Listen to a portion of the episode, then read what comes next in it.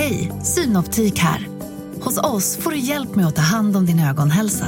Med vår synundersökning kan vi upptäcka både synförändringar och tecken på vanliga ögonsjukdomar. Boka tid på synoptik.se.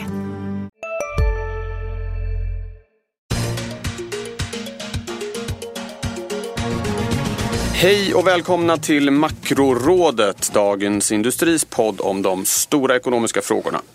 Jag heter Viktor Munkhammar. Med mig idag har jag Annika Winst, chefsekonom på Nordea och Johan Javeus, analyschef på SEB.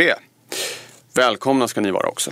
Tack. Eh, idag ska vi prata om Riksbanken, vi ska prata om utvecklingen i Grekland. Eh, men till en början tänkte jag att vi skulle eh, ha en liten diskussion om de skatteförslag som regeringen la fram i förra veckan. Det var ju minskat rotavdrag, neddraget tak för rutavdrag, eh, höjd skatt på bensin inte minst och höjd skatt på sparande och lite annat. Eh, Annika, vad, vad tänker du kring den här, ja bombmattan kanske är ett starkt ord, men det var i alla fall en, ett, ett antal skatteåtgärder. Ja, jag tänker väl att det var inte jätteöverraskande att det kom och jag tror också att det kommer att komma mer för det här är ju mindre pengar än vad de har flaggat för inför valrörelsen. Så att eh, jag tror att man kommer att återkomma. Sen eh, är det ju, i och med att det inte är jättemycket pengar så är det ändå så att det är ett signalvärde och det tycker jag. Ska jag bara säga, det var väl eh, 28 miljarder blir det för nästa år och så räknar man med att det ökar till 31 miljarder 2016 ungefär va? De här åtgärderna som de presenterade nu.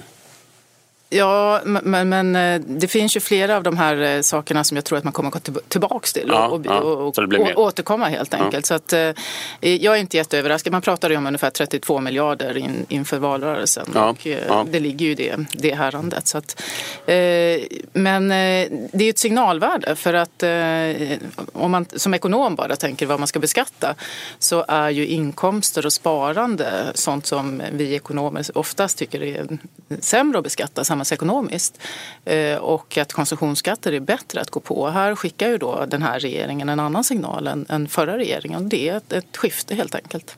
Johan, vad tänkte du när du såg det här? Ja, återigen, det är precis som Annika säger, det var ju inte någonting som var jätteöverraskande. Möjligen då, då kanske det här med RUT och, och ROT, att man tog, tog tag i det så pass snabbt. Eh, när det gäller huruvida det här är bra eller dåligt så om man tar ett rent ekonomiskt perspektiv på det så är det klart att det här är inte tillväxtbefrämjande på något sätt.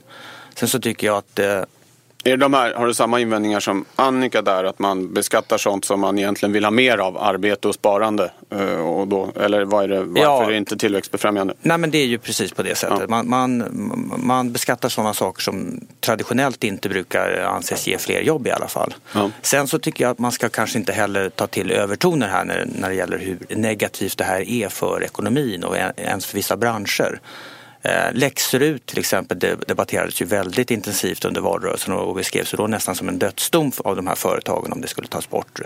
Mm. Eh, och sen så gjorde det det och de här företagen verkar ändå relativt positiva om, om, om, fram, om framtiden. Så att, eh, ja, mm, man, får, man får se det som ett steg i fel riktning men ingenting som så att säga förstör utsikterna för att vi ska kunna ha en bra tillväxt i Sverige även framöver. Och, så då, och då tänker jag att ni, om man tänker i termer av konjunkturtillväxt eh, kanske inte jättestor påverkan heller. Det beror ju förstås på vad man använder de här ökade skatteintäkterna till också? Eller ser du att det här förändrar konjunkturförloppet på något särskilt sätt? Nej, det är inte så att vi ändrar vår prognos utifrån det här. Utan, och det är också som jag sa att det var tidigare har varit känt också att man har varit inne på en hel del av de här områdena. Eh, man tänker miljö och så vidare. Så det är klart att vissa branscher kommer ju påverkas negativt, och andra kommer att gynnas av det hela. Men eh, konjunkturellt så nej. Jag ser det mer som, som jag sa, ett signalvärde strukturellt framåt. Hur, hur vill vi att samhällsstrukturen ska se ut? Okej, tack för det. Det här var ju finanspolitiken, sen har vi penningpolitiken också och för ett par veckor sedan så överraskade Riksbanken ganska ordentligt och gick ut och sänkte räntan igen mellan planerade möten och eh, ökade också de här köpen av eh, räntepapper. Ehm, och nu tänkte jag höra, som analytiker har ni ju liksom ibland två hattar på er. Den viktigaste är väl att försöka förklara för kunderna vad som händer och vad som kommer att hända. Men sen kan man också ta på sig en, ibland en liksom normativ hatt och säga vad man tycker tycker borde ske och varför någonting är bra eller dåligt. Och där, Annika, har ni på Nordea varit ganska kritiska mot att Riksbanken eh, kämpar så hårt nu för att få upp inflationen och att ni tycker att det kanske inte är så farligt om vi har en inflation som ligger runt noll eller till och med under noll ett tag. Vill du, vill du utveckla den här kritiken ni, ni, ni har riktat mot Riksbanken? Jag tycker det handlar väldigt mycket om hur man kommunicerar det. Det Riksbanken vill uppnå är ju förtroende för inflationsmålet och det är ju det som har eh, gått åt fel håll ett tag och det är det de är bekymrade över. Och eh, då argumenterar de utifrån det och för en extremt expansiv politik som jag ser det utifrån den tillväxt vi har, konjunktur, utifrån arbetsmarknaden och hushållen skuldsätter sig. Det hänger ju liksom inte riktigt ihop och det säger ju Riksbanken själva att det är ju inte av konjunkturella skäl man gör det här utan det är för att uppnå inflationsmålet. Men då måste man ju fundera över vad är det som gör att inflationen är så låg och då menar jag att en viktig faktor är förstås oljepriset eh, som har fallit eh, dramatiskt sen, förra sommaren och det drar då ner inflationen här och nu tillfälligt. Plus att vi har en global prispress och historiskt har det varit så att när man har stora rörelser i något i någon vara så rensar man för det. Och Riksbanken har tidigare rensat för oljepriset och då tror jag att det hade varit bättre att göra det här nu också. Tittar man då på inflationen rensat för energin så har den stigit under över ett års sikt och den ligger eh, på drygt 1 procent. hade man då beskrivit det för hushållen, förklarat och även för de som sitter i avtalsrörelsen, den kommande avtalsrörelsen, eh, så tror jag att eh, de hade förstått att när det är klart att Riksbanken kan ju sänka räntan hur mycket som helst, vi får ändå inte upp oljepriset och då kanske inte det här är rätt politik för den situation som svensk ekonomi är i idag. Johan, vad tänker du? Jag tänker väl lite så här att Riksbankens absolut största problem är, är, kanske inte den inflation vi har just nu utan det är att inflationsförväntningarna och framförallt då de riktigt långa inflationsförväntningarna eh, fem år ut i tiden eh, som rimligen inte påverkas av att vi har ett lågt oljepris precis nu. Eh, att de har fallit och var på fel trend och det här var någonting som oroade Riksbanken en hel del. Eh, så mot den bakgrunden så tycker jag ändå att det här är korrekt att visa att man med näbbar och klor och alla tillgängliga medel då kämpar för att försöka återställa förtroendet för inflationsmålet. Sen så kan jag hålla med om, eh, och det är lite det här som Annika är inne på också, att eh, är det rimligt att vi ska ha ett inflationsmål mätt som KPI när vi har alla de här strukturella faktorerna globalt som pressar ner inflationen och som Riksbanken omöjligt kan så att säga kämpa emot. Men det är en politisk fråga. Och givet hur Riksbanken det mandat Riksbanken har idag så tycker jag att då agerar man på ett korrekt sätt. De är så illa tvungna då? Ja, Annika, invändningar? Jag, jag, tycker också att det är viktigt att man skiljer på vad som är dålig låg inflation och bra låg inflation. Och jag tycker att i Sverige har vi ganska bra låg inflation. Det vill säga, Förklara jättekort bara vad du menar med dålig Men det och bra. menar jag att eh, du och jag och alla andra, eh, vi har ju inte slutat att konsumera för att vi är bekymrade för hur det ser ut imorgon. Utan privat konsumtion i Sverige har ju utvecklats starkt. Får bra siffror från detaljhandeln och så vidare. Tittar man på hushållens skuldsättning så köper vi hus som bara den och det är snarare ett bekymmer. Dålig låg inflation, det har man eventuellt i euroområdet där man får människor som börjar fundera över nej men det är bättre att avvakta, jag kanske inte har ett jobb imorgon, konjunkturen ser sämre ut. Och då får man en negativ spiral där företag eh, behöver säga upp folk, går omkull och så vidare så får en sämre tillväxt. Det är ju något som är mycket, mycket allvarligt. Och är man i den situationen så måste man absolut vidta alla åtgärder för att förändra det. Men i Sverige är det så att hushållen har mer pengar över att konsumera annat. Det är inget bekymmer som jag ser det. Utan det handlar väldigt mycket om trovärdigheten och då handlar det om kommunikationen som jag ser Att man, man kan förklara varför det ser ut som det gör i dagsläget och jag tycker inte att det är jätteallvarligt. Däremot finns det en risk att man bygger andra problem längre fram till exempel i tillgångslag om man har en extremt expansiv politik. Du skapar prisbubblor på ja. Ja, fastighetsmarknaden ligger väl nära till ja, hands. Till exempel. exempel. Ja. Fast det, det, här med oljepriset, där är ju som du sa, normalt säger centralbanker, ja, men det, här, det här struntar vi för det är, vi, vi rensar bort för att energipriserna åker upp och ner. Det är liksom inget vi ska bry oss om.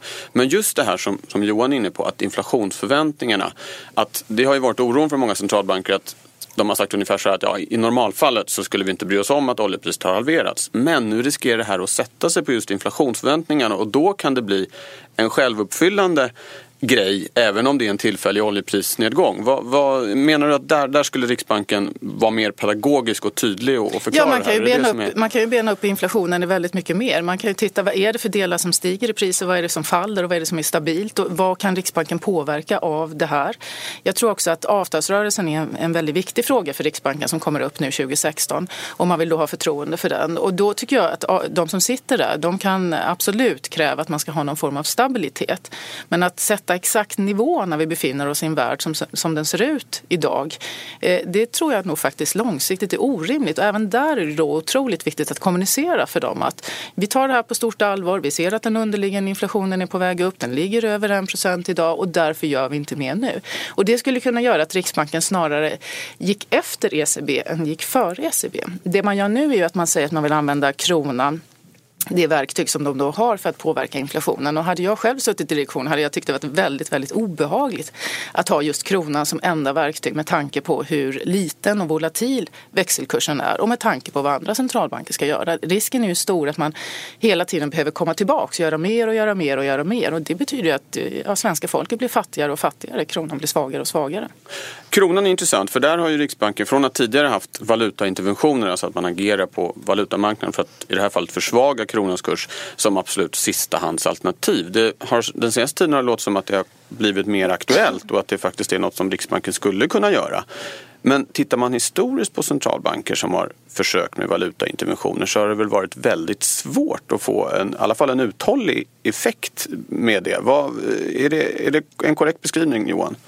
Ja, man kan väl säga så här att eh, dels är det ju en skillnad på om man försöker försvara en, en växelkurs som håller på att försvagas, det vill säga att man försöker förstärka den egna växelkursen. Just det. det kan en centralbank inte göra hur länge som helst. För att som vi såg man... 92. Ja, precis. Ja. Uh, nu handlar det om det motsatta då, att uh, i princip trycka tillräckligt mycket med kronor för att sälja till marknaden så att man håller växelkursen på så svag nivå som man då tycker är lämpligt. Och det kan en centralbank då hålla på med mycket, mycket längre. Så att i den meningen skulle jag säga att den här åtgärden skulle vara mer trovärdig från marknadens mm. synvinkel. Eh, vi har ju sett till exempel Tjeckien eh, som ju har haft en, en kris, eh, precis som, som Sverige haft, men har haft svårare att komma ur den här och, och så vidare. Som då har valt att först sänka räntorna till noll, sen väntade man ett år, det gav inte tillräcklig effekt och då valde man att också försvaga valutan med 5-6 procent genom att införa sånt här valutagolv mot euron. Precis på samma sätt som Schweiz gjorde till exempel. Mm. Så den åtgärden tror jag är fullt möjlig för Riksbanken att göra på ett trovärdigt sätt. Problemet, och det är väl det som är det stora problemet då, det är att det är politiskt väldigt känsligt i omvärlden. Det som jag tror ändå att det här är, precis som du antydde, att det har kommit närmare, det är ju att om Riksbanken kan visa att nu har vi gjort allting annat. Vi har sänkt räntorna, inte bara till minus 10. Och då menar du visa för omvärlden, för ja, Finland precis. kanske i första hand? Finland, eh, även övriga Europa. Ja. Att vi har sänkt räntorna, klart till negativt, kanske ytterligare en räntesänkning från de nivåer vi har idag. Vi har börjat köpa statsobligationer, vi har utvidgat de här köpen. Vi har gjort allting som står i vår makt. Det här är vår Vi har kommit till botten utväg. på verktygslådan. Ja, finns, ja. då finns det kanske en större förståelse för att det här är en, en rimlig åtgärd. Ja. Men får jag bara hoppa in här? Jag håller med Johan att eh, en Riksbank kan, eller Riksbanken kan absolut göra det om man kan fortsätta. Men till vilket pris? Alltså hur svag ska kronan bli? Hur långt ska man driva det här? Är de problemen som vi har idag så allvarliga att du behöver driva det eh, riktigt så långt. Där har väl ni på Nordea kommit fram till att kronan, växelkursen måste över 10 kronor någonstans? ja, den behöver euron. försvagas betydligt för att man ska uppnå, eller komma upp till 2 målet. Ja, Okej. Okay. tack för det. Jättekort bara, visst är det så att både SEB och Nordea, om vi tar av den normativa hatten och sätter på den vanliga analyshatten, nämligen vad ska hända? Ni räknar med att det kommer med från Riksbanken, eller hur? Ja, vi tror både på räntesänkning och att man... Eh, och samma för SEB? Ja. ja. Okej, okay. vi får se. Eh, vi lämnar Sverige. Eh, ett eh, kärt ämne på finansmarknaden är ju utvecklingen i Grekland. Den sagan fortsätter. Och jag tänkte försöka mig på en jätte, jättekort bara summering av, av hur, hur läget är nu. Det var en nyvald regering som efter många om och men lyckades få till en förlängning av Hej, Ulf Kristersson här. På många sätt är det en mörk tid vi lever i. Men nu tar vi ett stort steg för att göra Sverige till en tryggare och säkrare plats. Sverige är nu medlem i Nato. En för alla, alla för en. Vi är specialister på det vi gör, precis som du. Därför försäkrar vi på Swedea bara småföretag, som ditt.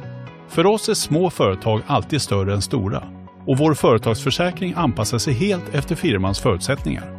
Gå in på swedea.se företag och jämför själv. Det befintliga låneprogrammet. Vad det exakt vad de fick till en förlängning av beror väl lite på hur man frågar.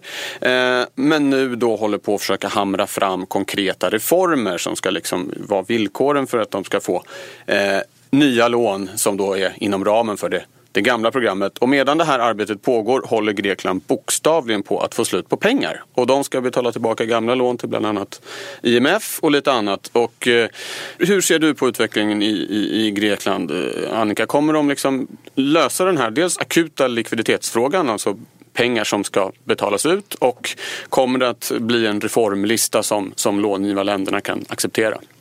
Ja, det är väldigt svårt att svara på den frågan. Eh, de har ju fått respit gång på gång och det är väl kanske fortfarande där eh, det som ligger närmast så att säga. Däremot i grunden så tror jag att det blir väldigt svårt för Grekland att rida ut det här. Eh, de har så otroligt stora problem på hemmaplan strukturellt. Åtgärder som behöver vidtas så att det är en väldigt, väldigt stor utmaning. Sen har ju finansmarknaden sedan länge hanterat det här. I, i, I, marknaden så är det förstås så att grekiska räntor har gått upp men det är inte så att det är någon jättestress. Nej, och det handlar ju om att man har hanterat, redan förra gången när det brann i Grekland ordentligt så, så vidtog man ju åtgärder och hanterade de risker som man hade i, i, som anknytning till Grekland. Så det gör ju att Förra gången var man orolig för att om det smäller i Grekland så kommer man få väldigt stora spridningseffekter. Nu är det där betydligt mindre. En viss effekt på eurokursen möjligtvis men, men eh, de här spridningseffekterna är borta och det gör att finansmarknaden är mycket mer lugn idag även om det är extremt eh, stökigt fortfarande i Grekland. Vad gör du för bedömning Johan? Ja, jag håller med om det att uh, spridningseffekterna från det här man ska inte säga att euron kommer att ha en bra dag om det är så att Grekland lämnar. Men det är klart att eh, definitivt så är det så att Grekland är isolerat ekonomiskt från resten av Europa. Bankerna är helt supporterade av ECB så att om en grekisk bank går i konkurs så orsakar inte det stora förluster i en tysk bank eller en eh, fransk bank. Eh, och på motsvarande sätt den grekiska statsskulden som man då skulle defaulta på. Ställa in betalningarna ja, och säga vi kommer inte betala tillbaka nej, det här. Den ägs ju idag av eh, skattebetalarna runt om i eh, Europa Eh, via alla de här lånen som Grekland har fått och lite av IMF också. Så att eh, inte heller där blir det några förluster att tala om i privat sektor.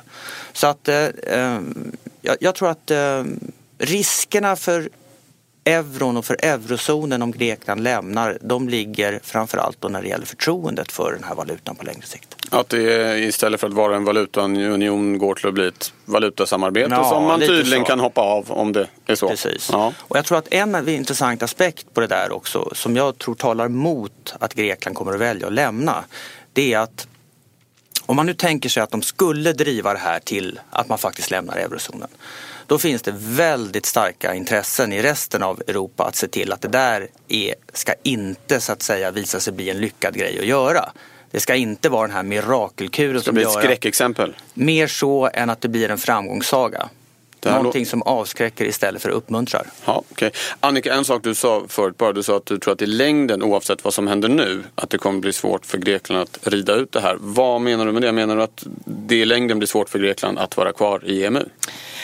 Antingen så kommer de inte vara kvar eller så kommer man fortsätta att försöka se mellan fingrarna. Och eh, jag tror att eh, egentligen skulle de ju behöva Marshallhjälp. Alltså man börjar om från början och bygger någon form av grundstruktur. Men då måste ju politikerna stiga av och så kommer det in folk utifrån och hjälper till. Och det tror jag inte att man kommer att göra. Utan då blir det det här man tar och ger eh, lite, lite till mans från, från båda sidor. Och det är ju långsiktigt det är ingen lösning på problemet men man kan ju hålla på så ett antal år till även om det inte är bra. Ja, okej, okay. det var ju kanske mindre upplyftande. Jag har sagt det förut men vi kommer säkert att få anledning att återkomma till eh, Grekland i makrorådet. Då går vi över till det som vi kallar för spaningen där ni har med er varsin observation eller tankar eller någonting som kanske har smugit lite under radarn eller på något sätt förtjänar lite mer uppmärksamhet än det har fått. Och Eh, Annika, jag vet att du har just kommit tillbaka, nästan jetlaggad, från en rundresa i Kina mm. och har med dig funderingar därifrån. Mm. Kör igång! Ska jag börja?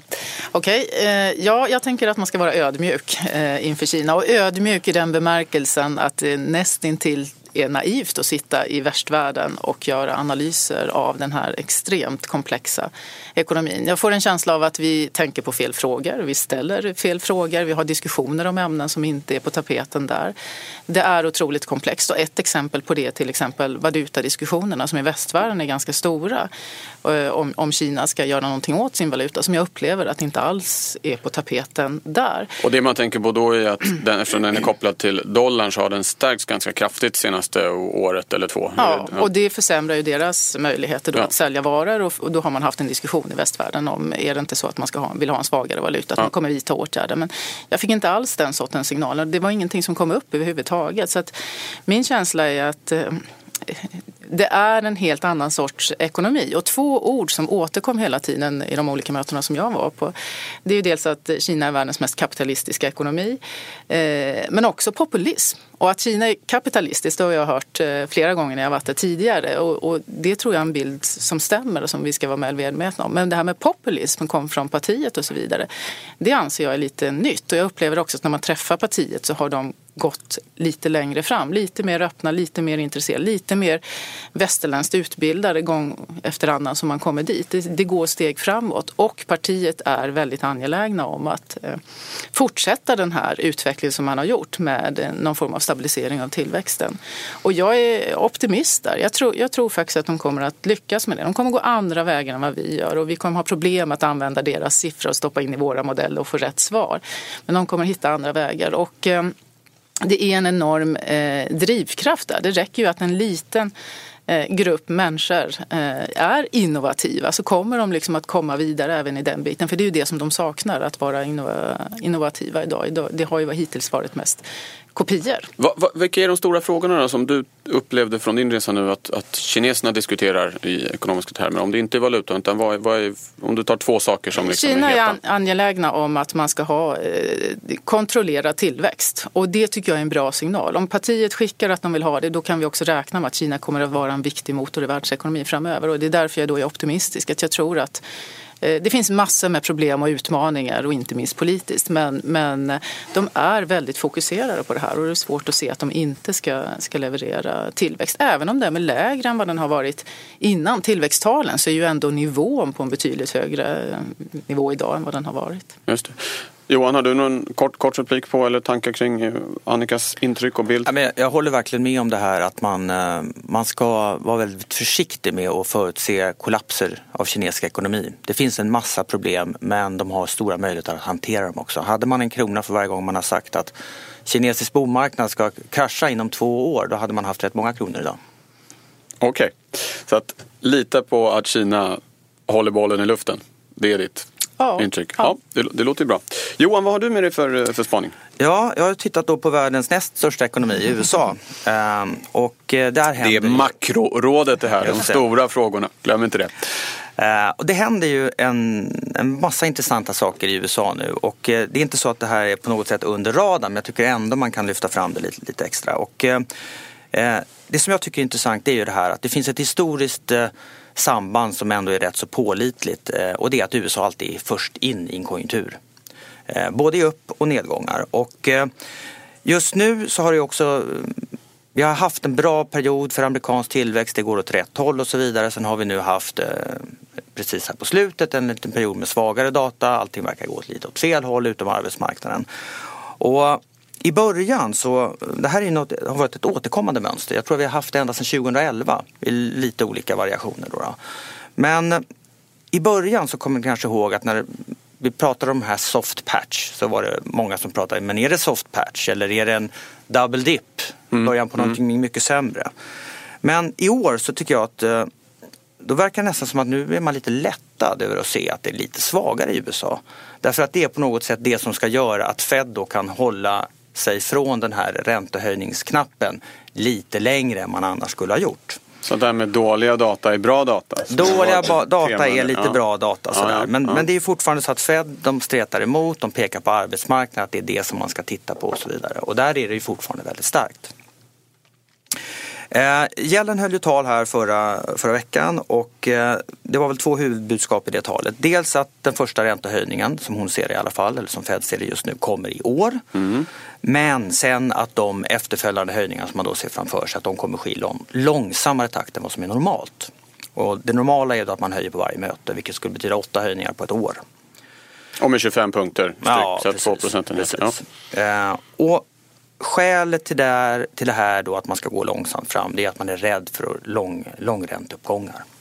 Och, och det där tycker jag är, är, är jätteviktigt för nu har vi fortfarande i hela världen räntor på extremt låga nivåer och negativa i väldigt många länder.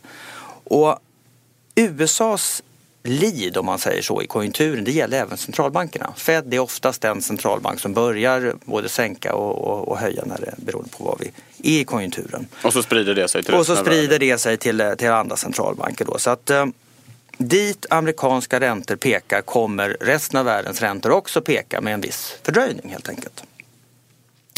Och då kommer vi in på det här med börsen.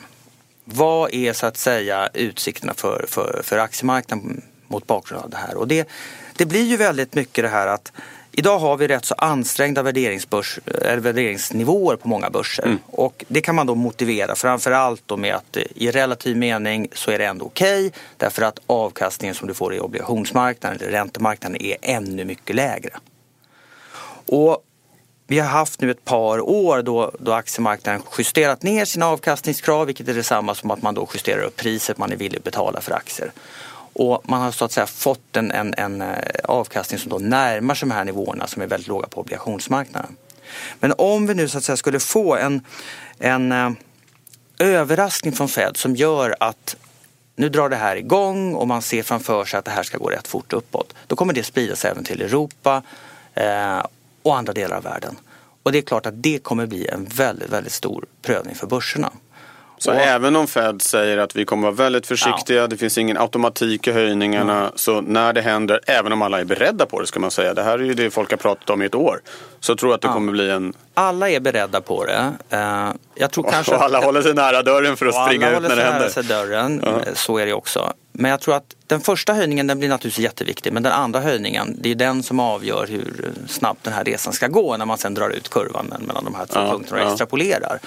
Och jag tror att det här kommer bli en prövning för börsen. Så att det, andra halvåret för, för börserna i världen ser osäkert ut skulle jag säga. Just med bakgrund av att det är då Fed förväntas liksom komma till, till skott. Ja. Annika, vad tänker du? Annars brukar ju vara, finansmarknaden brukar ju liksom ta ut saker i förväg och att Fed ska höja räntan det är ju kommer inte komma som någon överraskning för någon. Det gäller väl även, även börsen. Vad, delar du den här synen att det ändå kommer liksom bli en eh, ganska kraftig reaktion när det väl händer? Ja, för att man har drivit det så långt. Vi har varit så länge i den här miljön att det, precis som Johan är inne på, har inte funnits några alternativ och då har man fortsatt att, att driva börsen till exempel. Så att eh, ja, man står nära dörren och ja, man kommer överreagera. Man har inte en aning om var det här ska landa och det vet ju inte Fed heller. Det är ju det som gör det här väldigt svårt och det är kanske också det som gör att de avvakta aningen längre om man skulle gjort annars. För att de har aldrig testat att gå från den här extremt expansiva politiken till en annorlunda politik när resten av världen, eller Europa i alla fall. Det är okänd terräng. Mm. Och, då, och då gör det också att du får eh, nervösa marknader skulle jag säga och överreaktioner. Ja. Okej, okay. vi får avsluta där med en liten börsvarning för andra halvåret då när Fed börjar höja helt enkelt. Tack ska ni ha. Tack ska du ha som har lyssnat.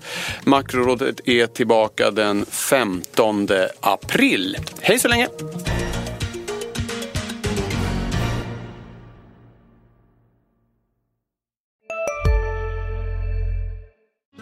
Hej, Susanne Axel här. När du gör som jag och listar dig på en av Krys vårdcentraler får du en fast läkarkontakt som kan din sjukdomshistoria. Du får träffa erfarna specialister, tillgång till lättakuten och så kan du chatta med vårdpersonalen. Så gör ditt viktigaste val idag, lista dig hos Kry. Kurrar i magen och du behöver få i dig något snabbt? Då har vi en Donken deal för dig. En chicken burger med McFeast-sås och krispig sallad för bara 15 spänn. Varmt välkommen till McDonalds.